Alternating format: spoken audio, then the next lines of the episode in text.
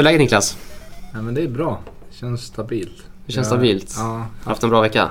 jag har haft några bra möten. Effektiva möten i alla fall. Och Mhm. sen eh, eh, fått ha lite egen tid med mina hobbys och sidoprojekt. Mm. Eh, så det har varit nice. Eh, Så du blivit en möteskille nu alltså? Ja, exakt. Så kan vi säga. Nej, men eh, jag tror nej. Det är inte så många möten. Men, men det känns som att jag har börjat hitta, kunna falla på möten som är relevanta för mig i alla fall. Eh, Mm. Vi snackade lite om det här innan, jag och Marco. Så det, eh, så känns nice. Eh, ehm, mm, Härligt. mm. Och för er som inte lyssnar så kanske ni inte känner igen Niklas röst här så jag tänker att Niklas ska också få presentera sig. Eh, ja, nej men eh, Niklas Rydqvist heter jag. Eh, jobbat, eller varit involverad inom webb och mobilutveckling sedan fem år tillbaka.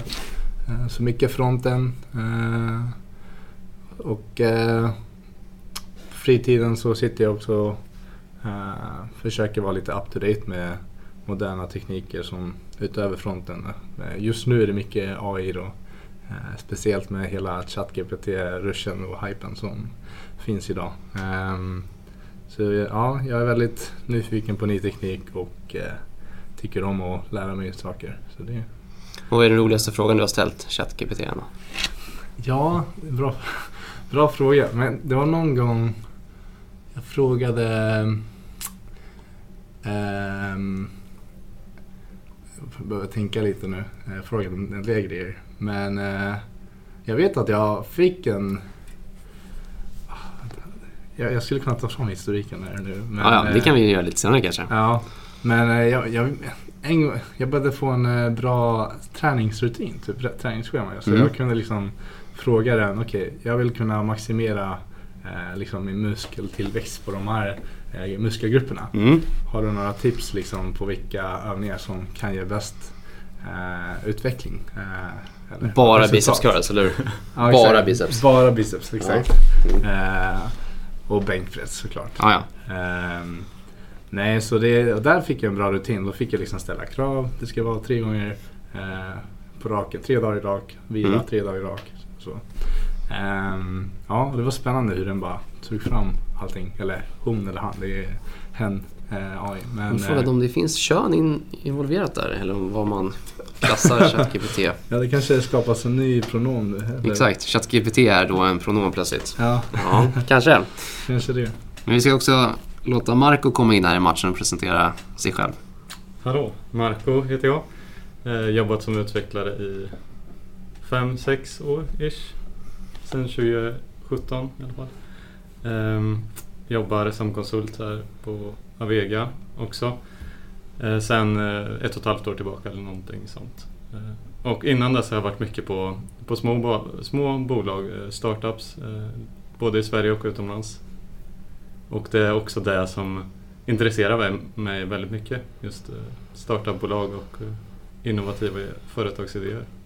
Och nu sitter du på ett storbolag numera. Jajamän. Ja, ja men det och mig själv kanske ni kommer ihåg vad jag heter. Jag heter Andreas och har varit med i några avsnitt i alla fall i den här podden. Och vi ska väl snacka om det som, som Marco var inne på. Idag ska vi snacka om eh, startupkultur egentligen och vad som skiljer sig mellan Big Corp och startup. Så eh, jag är Niklas och Marco med mig idag som båda egentligen i grund och botten kommer från startup-verksamheter och har väl jobbat majoriteten av sin karriär inom just startup-företag. Och mig själv har en liten mix. Eh, Jag kanske inte har jobbat på så små startups som ni har utan det är väl mer scale-ups kanske som Mm. jag har erfarenhet ifrån. Jag tänkte vi skulle diskutera lite kulturskillnader. Ehm, och då kan vi egentligen börja för vår egen del då såklart i det här avsnittet att di- diskutera och definiera vad kultur är. Så jag tänkte att Niklas skulle få försöka ge sig på den. Så om du skulle förklara vad, vad en företagskultur är, vad skulle du liksom kortfattat definiera det som? Mm.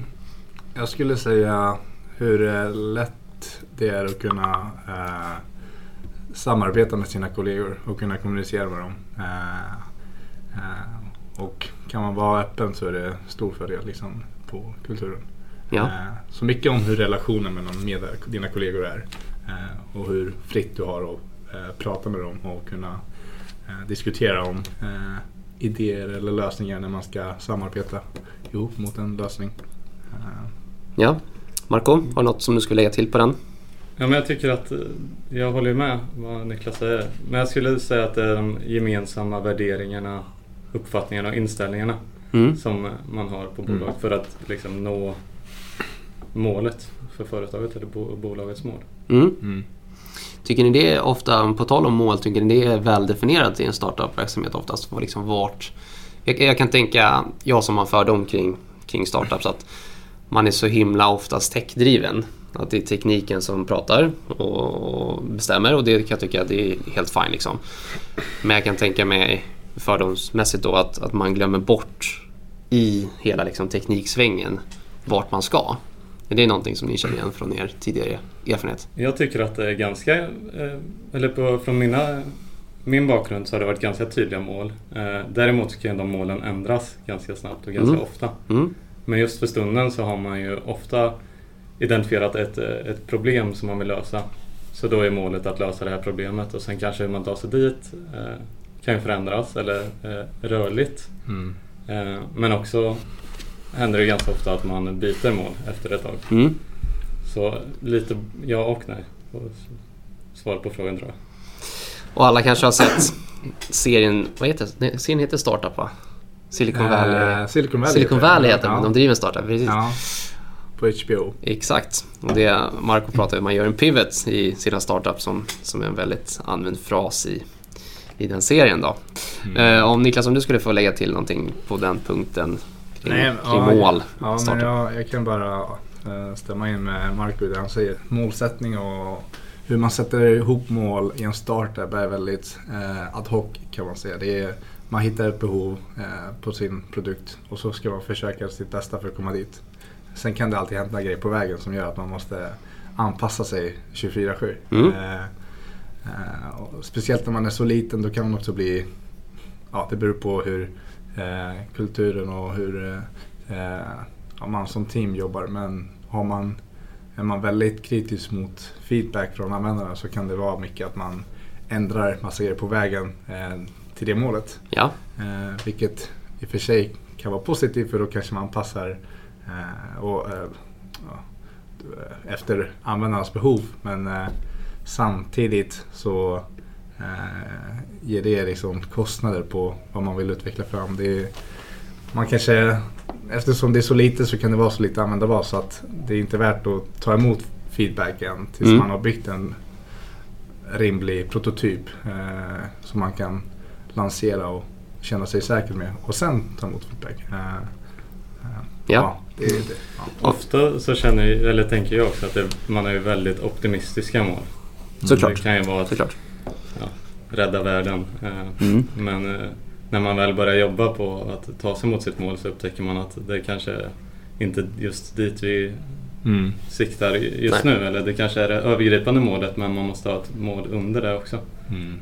Jag kan tänka mig att man försöker lösa för många problem samtidigt. Ja, precis. För stora mål. Och kanske då också gå ifrån sin målsättning. För att allt...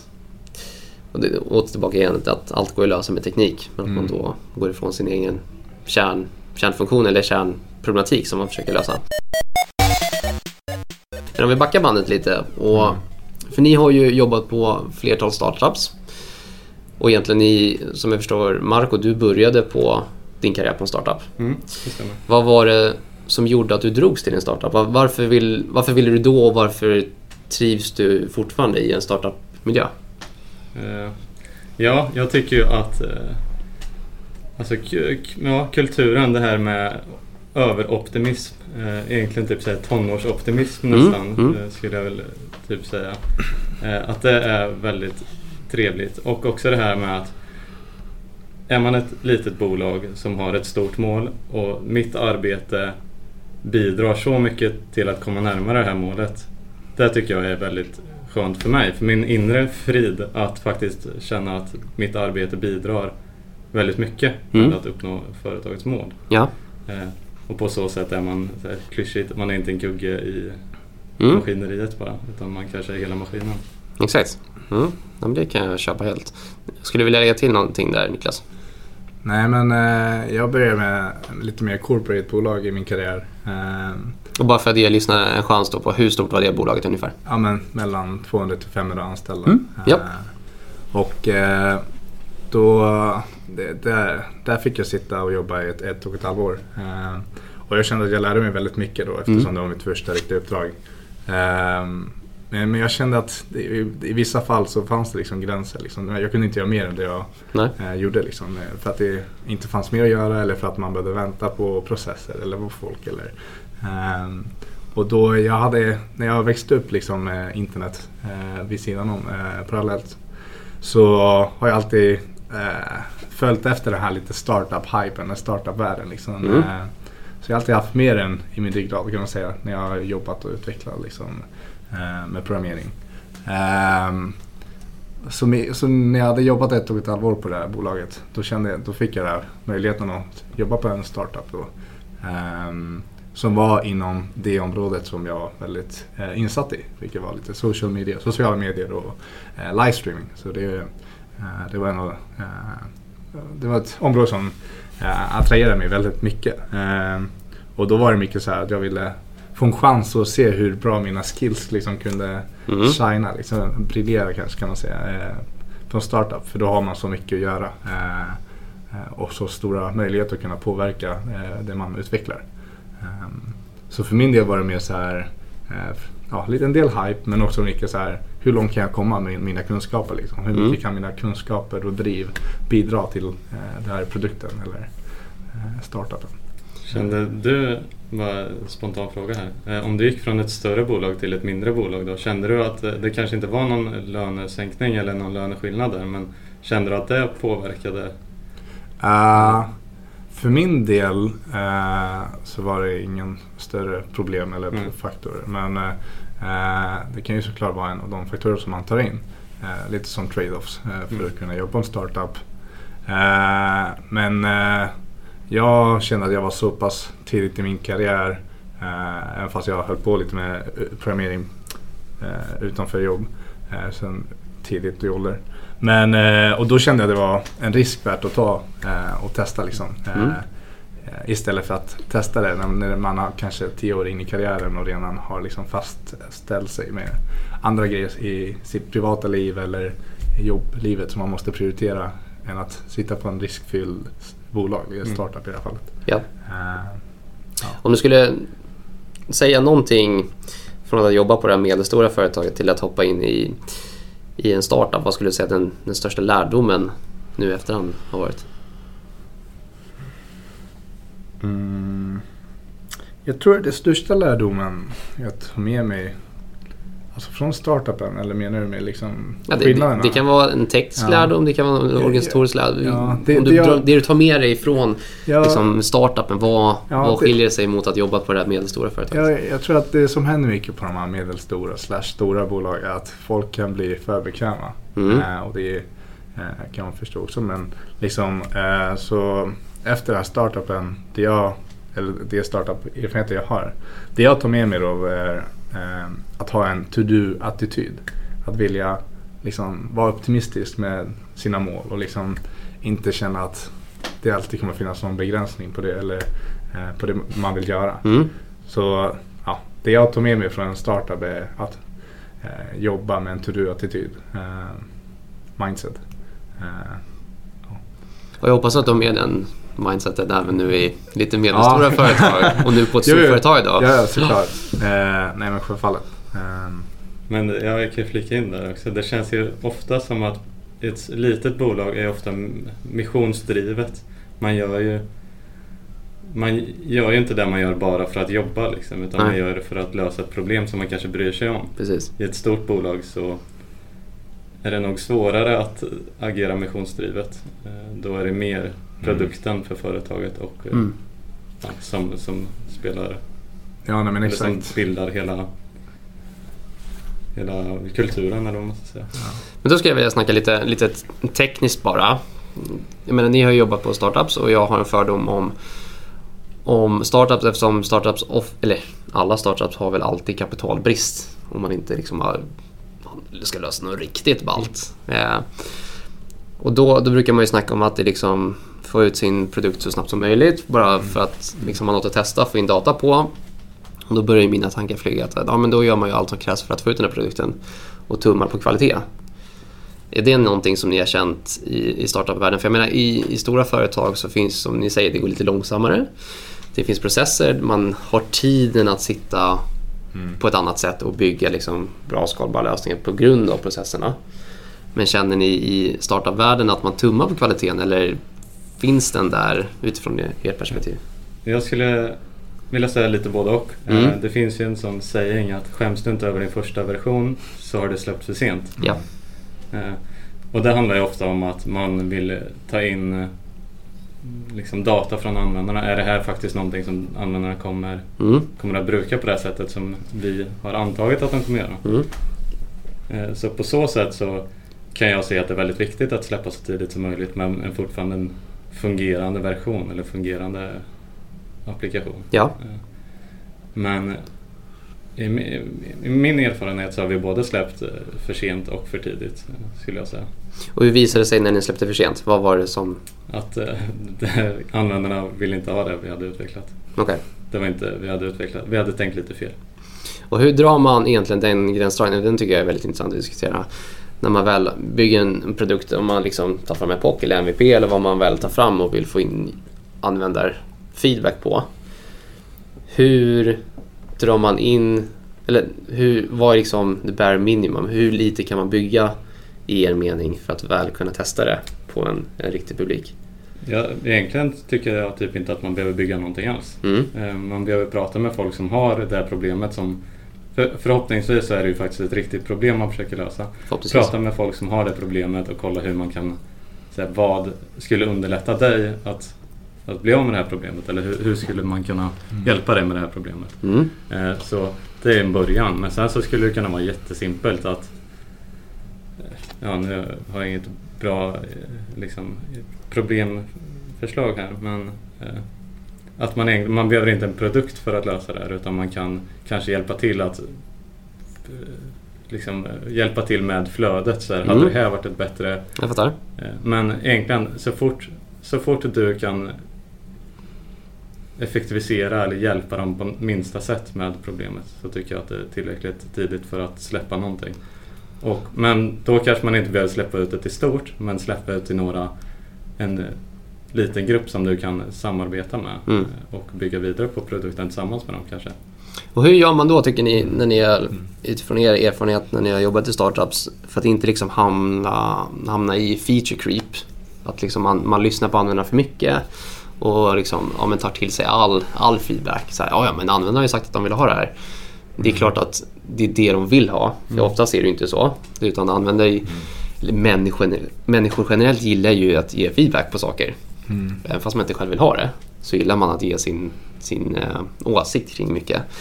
Känner ni att det har varit ett problem i de företag ni har jobbat på? Att man, man lyssnar också på användarna för mycket? Ja, jag personligen eh, hade det problemet fast jag som eh, utvecklare då. Ja. Eh, jag kände att jag tog fram mycket nytt på appen liksom väldigt snabbt. Jag kände att jag utvecklade snabbt. Så när, när jag alltid, eftersom det var sociala medier i appen liksom, så kunde man enkelt liksom gå in i ett så kallat rum. Så kunde man liksom höra vad användarna snackade om. Liksom, på det Mm. sättet få feedback på vad som var fel eller dåligt. Eh, och då kunde jag som utvecklare höra det och bara shit, liksom, det där kanske jag borde lägga till. Liksom. Och så bara tänker jag, men det där kanske tar mig liksom en, två dagar att fixa. Det kan jag fixa lätt. Eh, men sen när jag kanske vill höra av mig då till, min, eh, till mina andra kollegor eh, eller min eh, produktägare till exempel. Eh, då, då får man en slags eh, man, jag, jag kan vara lite överoptimistisk och tänka att det där kommer gå snabbt, det här, användarna vill ha det. Mm. Eh, och då var det bra att min produktägare till exempel kunde alltid få in mig tillbaka till det här mindset. Okej, vi vet att de vill ha det här, men hur gör vi det? Vi, vi, vi, skriver ner på vår backlog och kommer ihåg det. Men vi behöver fokusera, fortfarande fokusera på det här för att kunna releasa produkten snabbare och kunna Ja. iterera på produkten. Så för min del var det mer, det var alltid jag som var överoptimistisk. Eh, på grund av att jag kände att allt gick fort. Liksom, eh, Ja, jag att fattar. Mm. hade förmågan att ta fram det. Men att det kanske var bättre att släppa det och vänta tills vi blev klara med vår, eh, kassa, typ, eh, vår eh, eh, plan. Eller är kärnfunktion. Liksom. Ja, exakt. Ja. Ehm, ja, så det var det, det, är det jag... Det är någonting du känner igen dig Ja, Marco? Ehm, Eh, Ja, men det tycker jag. Men jag tycker också att som en startup så kan man göra de Mm. utsvängningarna att kasta ut lite features på användarna som, som de ber om. Eh, För det är lite det som jag tycker att man, man har råd att chansa Mm. på det sättet. Mm. Men sen får man inte fastna i det. Man måste ju fortfarande se en helhetsbild Mm. av vad är det faktiskt vi försöker göra. Eller vad är det för problem vi löser. Eller vad är det för produkt vi försöker få ut. Liksom. Precis, och då kommer vi in lite på prioriteringarna. I liksom, stora verksamheter så finns det oftast liksom, stora agila metoder. Oftast numera så finns det ju väldigt fina ramverk som, som heter lite olika diverse saker, som vi alla vet. Eh, som man använder på, på de stora bolagen för att priority, prioritis, kan inte säga, prioritera, säger man. På med engelska uttrycket där. Prioritera vad man ska göra i en verksamhet. Men jag kan tänka mig på de lite mindre bolagen, framförallt startups, så kan det vara en prioritering som görs på dagen. Mm. Och så är det en ny prioritering dagen efter. Och det, i kombination med att det kommer in användarfeedback som gör att man går den här vägen och testar sig fram och sådär. Hur tycker ni att en, en bra prioritering fungerar i en sån miljö? Hur går en sån prioritering till? Vem är det som bestämmer vad som ska göras? Är det ägarna? Jag förstår att inv- investerare har ju rätt mycket att säga till om såklart. mm. Beroende på vad det är för typ av investerare och så vidare. Men Jag har ju varit på två typer av startups egentligen. Eh, Ett där eh, vi var en, en grupp. Vi var, det, jag har bara jobbat på små startups. Också. Mm. Det är inte så att jag har jobbat på eh, 100 personer och går skitbra för startupen. Och vad är små startups för dig då? Eh, Jag har varit den första anställda så då har det varit tre grundare och jag. eh, På mitt minsta tror jag. Mm. Men sen har jag jobbat i, liksom, det har kanske varit sju personer totalt. Mm. Som, ja, någonstans mellan tre och sju personer. Liksom. Just det. Den storleken. Ja. Eh, Men på något, något av de här startupen där, där var hade, om vi hade en lista på typ fem features kanske, om vi säger så. Att det här har vi tagit in, det här behöver vi göra och nu ska vi prioritera här. Då fick man poäng, som man fick poängsätta de här med. Då fick man 1 till 5 poäng. Så, här, ja. så Mm. fick man rösta på så här, den här feature tycker jag är viktigast, det, Mm. här, är, det här ska vi göra först. Så då röstade man 5 poäng på den man tyckte var viktigast och sen ner. Eh, och sen då hade vi en prioriterad backlog på när, när alla hade röstat. Då. Den Mm. som fick mest poäng var den som vi skulle göra först. Just det. Och det såklart funkar ju i, i små verksamheter för det är Mm. ingen annan som, som tycker till då. Utan det är ju den här kärn, eller kärngruppen, ja, i ditt fall då max sju personer som Ja.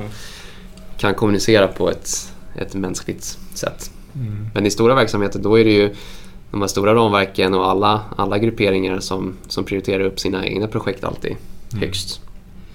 Som gör det väldigt svårt att, att få till en sån, sån lätt kommunikation. Har du någonting Niklas som du tror? Ja men prioriteringar, ja det är väldigt svårt i en startup skulle jag säga. Man, Mm. man måste alltid ge lite av, en, av kakan till alla olika, åt olika Mm. åt Hur gjorde ni då? Det finns ju, först är det användarna såklart. Eh, eh, att ja, användarna vill ha XYZ kanske. Men sen kanske man har investerarna vid sidan som frågar att, som undrar varför siffrorna inte går upp och, Mm. eh, och försöker ge förslag på vad som man kan förbättra. Även fast de själv inte vet så mycket om produkten och bara liksom lagt pengar och så förväntar sig det bästa. Liksom. Eh, och samtidigt kanske man har eh, ja, teamets, eh, ja, eftersom en startup, som i ditt fall till exempel när man är mellan 5 till 10 anställda, då är det väldigt normalt att all, de anställda har sina egna liksom, fokusområden. Det kan vara design, det kan vara marketing, det kan vara utveckling. Eh, och då kan det vara så att när man vill ta fram en feature måste man liksom hitta någonting eh, som eh, stämmer med eh, startupens framtida vision men samtidigt Mm. någonting som nöjer de här fokusområdena. För eh, säg att eh, siffrorna börjar gå ner, okej vad kan man göra då? Kan man, till exempel att man kanske pushar på marketing. Då måste man lägga pengar där och prioritera på Mm. vad kan man lägga för feature för att promota användarna. Absolut. Eh, men då kanske man... eh, ja, det är, det är en svår, svår fråga. Eh, och vid sådana tillfällen är det alltid bra att ha C- CEO då, VDn som kan alltid styra tillbaka teamet och få dem att samla ihop visionen. Mm. Och så att man inte, för det är ganska enkelt att man blir blind i, i det man gör och tänker att ja, den här featuren kan vi göra. Och, och det är kanske en kortsiktig feature. Eh, och det är kanske jätteenkelt. Men då, ja, då är det alltid bra att ha någon i teamet som kan få teamet att zooma ut och förstå varför vi tar den här featuren, varför vi ska prioritera den. Eh, Mm. För, för eh, investerarnas eh, förslag eller för eh, användarna. Att man, ja, man måste alltid hitta en balans mellan alla parter skulle jag säga. Eh, och hur mycket pengar den featuren kan kosta i framtiden. Och, ja. Men jag tänkte vi skulle diskutera lite... Jag menar, vi, vi alla har ju varit i, i projekt och framförallt ni som har jobbat mycket i startups där, där produkten kan, kan påverka rent eller få rent etiska och moraliska konsekvenser. Mm. Beroende, beroende på såklart. Jag menar, vi alla bygger system som har en impact åt något håll. Och jag kan tänka mig i, i startup så finns det ju Eftersom man oftast bygger ett system från scratch och man vill testa så fort som möjligt. Och man vet egentligen inte vad, vad det kommer komma in för data och man vet inte hur användarna kommer använda produkterna. Som i sin tur kan leda till just etiska och moralis- moraliska konsekvenser. Och jag vet att du, du Niklas, du har, ju, du har ju varit med om det här. Ehm, Men hur skulle du säga att, eftersom du har varit med om just de etiska och moraliska konsekvenserna utåt, eh, som, eh, på grund av det ni byggde. Hur skulle du säga att, skulle man kunna plockat upp de här konsekvenserna tidigare i, i planeringen eller var det liksom, det var ett nödvändigt ont? Ja, alltså jag som jobbade på en startup med sociala medier och livestreaming. Så som det hörs så kan det vara väldigt känslig data som kan ske där och väldigt känsliga grejer som kan uppstå. Um, och uh, vid en, i en startup då byter man sin produktvision väldigt ofta om det behövs liksom, för att adaptera sig efter marknaden. Uh, anpassa sig efter marknaden. Uh, och jag tror att i början startup-idén från start hade en annan vision, en framtidsvision än vad det blev eh, ett, ett och ett halvår in till exempel. Eller ett år, ett år in. Ja. Ehm, och då kanske de flesta, eller ja, jag personligen till exempel kanske inte hade mindset att det skulle eh, leda till sådana ehm, miljö, till en sån eh, hektisk miljö i, i, Mm. i produkten liksom, mellan användarna. Ehm, men så, ja, när man sitter där och ser de här eh, användarna liksom inne i ett rum som det kallas för i appen och sitter och kanske snackar skit mot varandra. Eller ja, Mm. slänger på massa eh, ja, svärdomar och eh, försöker hota varandra. Mm. Eh, nu, nu var det inte alla användare, det kanske var en procent av användarna. Ja, men det är en var- liten del av användarbasen som beter sig dåligt. ja. Mm. Då, då sitter man där och tänker lite, ja, jag har utvecklat det här liksom Mm. och hur ska vi kunna moderera det här när vi vet att eh, Facebook och andra stora sociala plattformar liksom har problem med det här även idag Mm, och lägger exakt. miljarders kronor på det liksom Mm. för att kunna så ja, då, är, då börjar man hamna lite i sådana tankar liksom, hur ska vi lösa det här liksom? Ska det komma fram någon skandal på nyheterna liksom, i framtiden på, Mm. i den här, i det, eh, av den här startupen? Eller hur, ja, hur kan man bromsa det här? Eh, och ja, vad, vad sa du? Liksom, om det var en Nej, men jag liksom, finns det... Säg att en utvecklare kommer på att okej, om vi bygger det på det här sättet ja, så blir, kan det innebära att de här, vi får de här konsekvenserna. Kan man plocka upp den här moraliska och eti- etiska aspekten tidigt i flödet och då kanske påverka egentligen företagets vision eller rättare sagt de feature man bygger? Eller finns man, man skjuter från höften och ser vart, vart man landar? Så, så du, men, du menar med liksom, fanns det möjlighet från, när vi tänkte ja men livestreaming, okej hur gör vi livestreaming säkert från början? Eller var det Inte, inte säkert per se utan om man hade, i ni, hade ni tänkt att det, ni bygger kan resultera i etiska och moraliska konsekvenser? Ja, jag, jag tror att där var faktiskt eh, bolaget var väldigt optimistiska och kanske Ja, vi kanske tänkte mer långsiktigt och inte tänker mer kortsiktigt med de här. Liksom, att sådana konflikter kunde uppstå liksom, på lång sikt. Mm. Eh, och där kanske man, ja som sagt, man blir lite blind i visionen. Man, vet inte, man tror att det kommer vara all super nice and dandy, liksom, det kommer gå bra. Men eh, sen när man väl sitter där och bara ser de här konflikterna då, då, det blir lite som elefanten i rummet. Okej, vi vet att vi har en app och vi har en användare, liksom, och använder, använder, använder appen.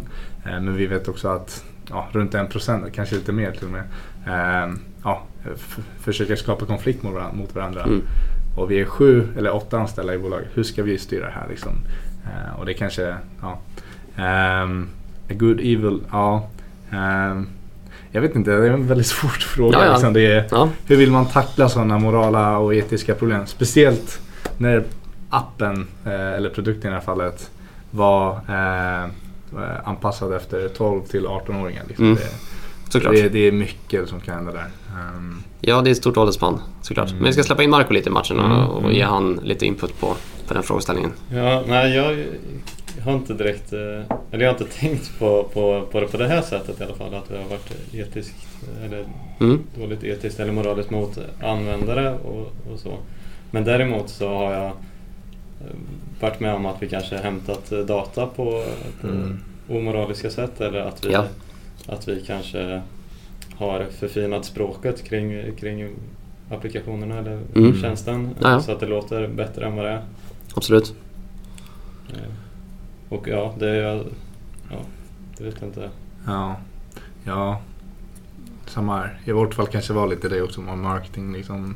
Till slu I slutändan är det till sociala medieplattform. Och alla, ja, ja, alla vet ju liksom att det är, det är negativt på lång sikt såklart. Så det, ja, men det var det jag tänkte i ditt fall Niklas. Att ja. Eftersom ni visste att ni bygger en sociala medieplattform ja. med liksom personlig interaktion mellan privatpersoner. Ja.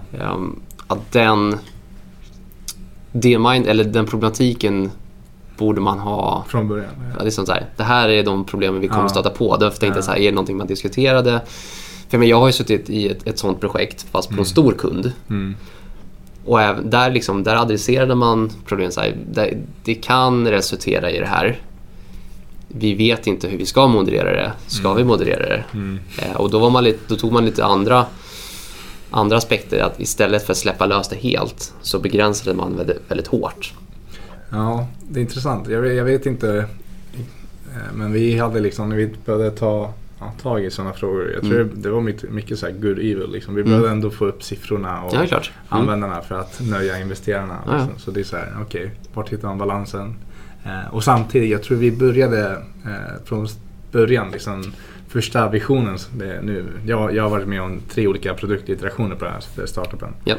Eh, och första startupen, eller visionen var mer att vi skulle ta fram en livestream-plattform. Liksom. det har ju känsligt i sig själv men, eh, men att det skulle vara väldigt straightforward och inte ja, det skulle vara mer hängaktigt, liksom mer så mm. cool och bara hänga och, hänga och snacka. Liksom. Eh, men sen expanderar vi mer till att det bli mer sociala medieaktigt och sen eh, på vår marketing när vi skulle annonsera appen på andra sociala medier så använder vi finare ord och kanske eller så här som döljer de här eh, Ja. ja, man sminkar grisen. Ja, sminkar, det, det, är ju det man gör. Jag tror att man kan bli lite blind för, ja. för vad man håller på med också. Att man har ett mål eller mot, mot sig själv eller mot investerare att vi ska få upp våra siffror, vi ska ha så här mm. många användare. Mm. Så gör man egentligen vad som krävs för att komma dit. Ja. Eh, mm. Kanske ta lite moraliska genvägar eller mm. Mm. Nej, men precis. på vägen. Jag tänkte att vi ska gå över lite till att och snacka förväntningar här. Vad, ni som jobbat i startupvärlden, vad, vad är den förväntningen ni hade innan ni klev in på en startup? Vad är liksom den högsta förväntningen som faktiskt stämde när ni efteråt då? Har ni någon sån som ni kan tänka på rätt spontant? Så här, det, här, det här stämde verkligen. Jag vet inte riktigt. alltså, startup var ju mina första jobb. Liksom. Mm. Så det var där jag klev in först mm. som en ny, ny utvecklare. Men det jag, det jag inte ville göra, eh, därför jag sökte mig till startup, var ju att liksom fastna i det här kugge, att vara mm. en kugge och ha en, en arbetsuppgift jag ska göra jag just den här specifika delen. Ja. Ja, det var därför jag ville söka mig till en startup där man kunde testa på många olika mm. Eh, arbetsuppgifter och mm. det fick man ju verkligen göra. Mm. Det förstår jag. Du Niklas? Ja, men för mig var det mycket av idén och det här, liksom, det här hypen man ju alltid följt liksom, parallellt eh, när man har jobbat och så där med hur är det att vara i en startup liksom. Det, är det som de promotar på Silicon Valley, HBO liksom. Det, eh, och jag tror att det, det kan bero från startup till startup såklart. Mm. Eh, såklart. Eh, men i mitt fall så jag var väldigt nöjd liksom, med mina eller det jag förväntade mig från eh, vad en startup skulle vara i det här fallet. Mm. Jag, jag, jag gick in med mindset av att jag skulle lära mig mycket men också ha jävligt kul. Eh, och det fick jag ha. Liksom. Så det, jag tror det är väldigt viktigt att kunna, ja det är mycket tur också, men att hamna i ett team där alla medlemmar vill fram och vill liksom eh, driva fram pro- produkten och bara ha kul på vägen. Mm. Eh, som du nämnde, liksom, det du frågade i början, vad gör kultur på ett bolag eller i Mm. teamet? Liksom det är, I en startup, speciellt när man är så få, då har man så eh, ja, det är så enkelt att kunna påverka kulturen så det är väldigt viktigt att alla i bolaget Mm, eh, bidrar med sin del så att det blir den bästa kulturen som möjligt. Ehm, Om vi vänder på frågan då. Vad är den, den förväntningen ni hade innan ni klev in som inte levdes upp till? Rent generellt så tänker man att allt, eller så här, i rekryteringen och sånt i ett startup så säger så att vi har den bästa idén, typ så det här kommer gå skitbra. Just det. Eh, och det gör det ju inte alltid. Det är ju 90% av gångerna, eller 95%, 99% av gångerna Ja. så går det ju inte bra. Nej, exakt. Niklas, har något? eh, ja, alltså det är eh, man tänker att det ska bli stonks, liksom, att det ska gå upp, stocken ska liksom Nej, klart. Eh, Mm. Det är alltid målet och det är den vi- optimismen man ska satsa efter såklart. Men eh, eh, ja. Eh, så det gäller att hitta en vision som eh, alla i teamet kan följa efter och satsa på. Ja, så, ja, ja. Mm, ja, absolut. Mm. Och för att avsluta då det här samtalet så tänkte jag att ni ska få besvara på två frågor. Det kanske blir lite fler. Men för första, första frågan är så här, lever startupen idag? Och Mm. skulle du kunna tänka dig att joina en startup igen? Eh, så här, jag, eh, startupen lever inte idag, Nej. eh, tyvärr. Men det var en jävligt kul resa och, och äventyrlig.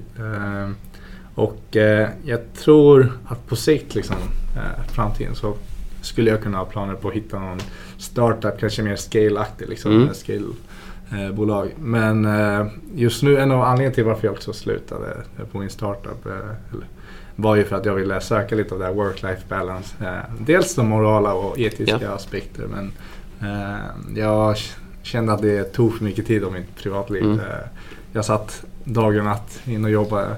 Jag blev kallad efter namnet Night Rider för jag skickade liksom pull request klockan tre på morgonen och sen gick jag in på stand-up eh, två minuter efter jag vaknade. Liksom. Eh, så det, ja, och det, det var väldigt kul. Liksom, eh, det var det. Eh, men jag kände att jag behövde liksom, hitta en balans ändå. Men kul med en slitsam resa kanske? ja, nej, och, Ja. och, och lärorikt. Liksom. Absolut. Mm. Ja. Du då Marco? Jo, men jag har väl jobbat på kanske det, fyra startups kanske. Mm. Och eh, två lever fortfarande. Mm. Eh, en utav dem kom in sent i. Så den, det gick ju bra. De, de hade en bra omsättning Ja, och tjänade bra, bra med pengar. Mm. Eh, så det, det förstod man ju kanske att de, de var inte liksom på väg att dö Nej. när jag jobbade där heller. Eh, det, det gick ju bra. De gjorde exit och Mm. sålde. Eh, Och om jag skulle kunna tänka mig att jobba i en startup igen, absolut. Mm. Jag tycker att det är superspännande och jättekul att jag var i små bolag och startups. Så det skulle jag kunna tänka mig. Kul. Du har inte blivit avskräckt i alla fall. Det är ju alltid Mm. jättepositivt. Nej men jag, jag lever lite fortfarande på den där tonårsoptimismen som man Mm. måste ha tror jag. Eh, Jag tror inte att det är också väldigt vanligt av, att ha den som utvecklare också. Jo men det kanske är, eller ja, det beror på hur länge man har jobbat kanske. Ja, ja, Till slut kommer pessimismen istället. Ja. Men det kanske är när man har jobbat på stora bolag för länge. Ja. När man har fått eh, del av den. eh, Fastnat i Kulturen. byråkratin och politiken ja. Ja. Mm. Och det är intressant där liksom, för att vi nämnde det nu, eh, den kulturen, byråkrati och politik. Mm. Just vad startup-kultur är Mm. definieras ju egentligen utav vad det inte är. Så det är det. inte byråkrati, det är inte Mm. Sega eh, processer. Utan det är liksom Startup-kulturen är ju inte vad en corporate är. Mm. Mm. Nej, jag förstår. Och det är Mm. det folk attraheras av, Mm. tror jag. Absolut. Några sista ord som ni skulle vilja säga till lyssnarna? Ja, jag skulle säga man ska jobba på en startup, se till att du brinner för idén. För det, det är då jag tror det kommer vara som roligast. Eh, det, det upplevde jag i alla fall. Eh, och om man tror på idén så kan det... Så tror jag det, det är ett bra mindset. Ja. Eh, Mm. Jag tänk, ja, tänk på vad, vad du vill rent... eh, Så här, om, man, om man står i valet kvalet och jobbar i en startup eller ett stort bolag så ska, man tänka vad man vill göra här och nu. Mm. Liksom hur man vill utvecklas som person och vad, eh, hur man ser framtiden. Mm, Det, det är ett svårt val. Mm. absolut. Speciellt i en miljö som idag där det finns hundratals företag och Såklart. Startups. Liksom. Det är inte kanske 20 år sedan som där allt ny teknik var nytt. Liksom. Det fanns ingen Facebook, ingen Google. Men, och det är enkelt att bara säga, ja men hade jag varit i den tiden så kunde jag ha tagit fram det. Men så kanske inte det hade varit. Men liksom, nu för tiden så finns det så många nischade startups eller produkter. Så att det, Oh, ja. det finns mycket konkurrens. Men det är, det är därför det är viktigt att ha liksom, en mindset att man vill bli bäst och eh, Ja. Ja, och må, många stora företag har ju applicerat den startup-kulturen eller försöker göra det också. Absolut. mm. Så det är, man kan ju fortfarande få känslan av att jobba i ett litet bolag på ett stort bolag. Oh, ja. Ja, men så, såklart det. Det beror ju på hur man organiserar sig och, som företag och vad man värderar. Hur man vill driva produkten framåt, tänker jag. Ja.